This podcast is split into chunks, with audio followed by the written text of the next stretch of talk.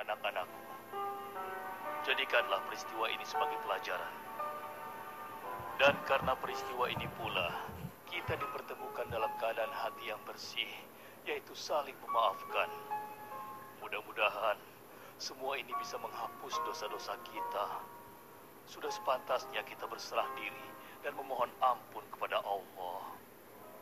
Wahai ayah, dan engkau wahai adikku Yusuf, sekali lagi kami menyampaikan penyesalan kami sebesar-besarnya atas apa yang telah kami lakukan. Dengan peristiwa ini, mudah-mudahan kami tidak lagi menjadi orang-orang yang zolim terhadap orang lain maupun terhadap diri kami sendiri.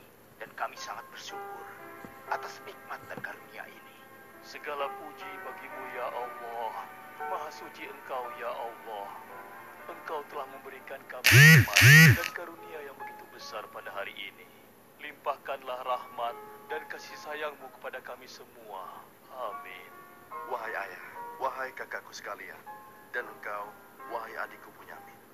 Sebaiknya sekarang kita bersyukur dan memohon keridoan Allah bersama-sama.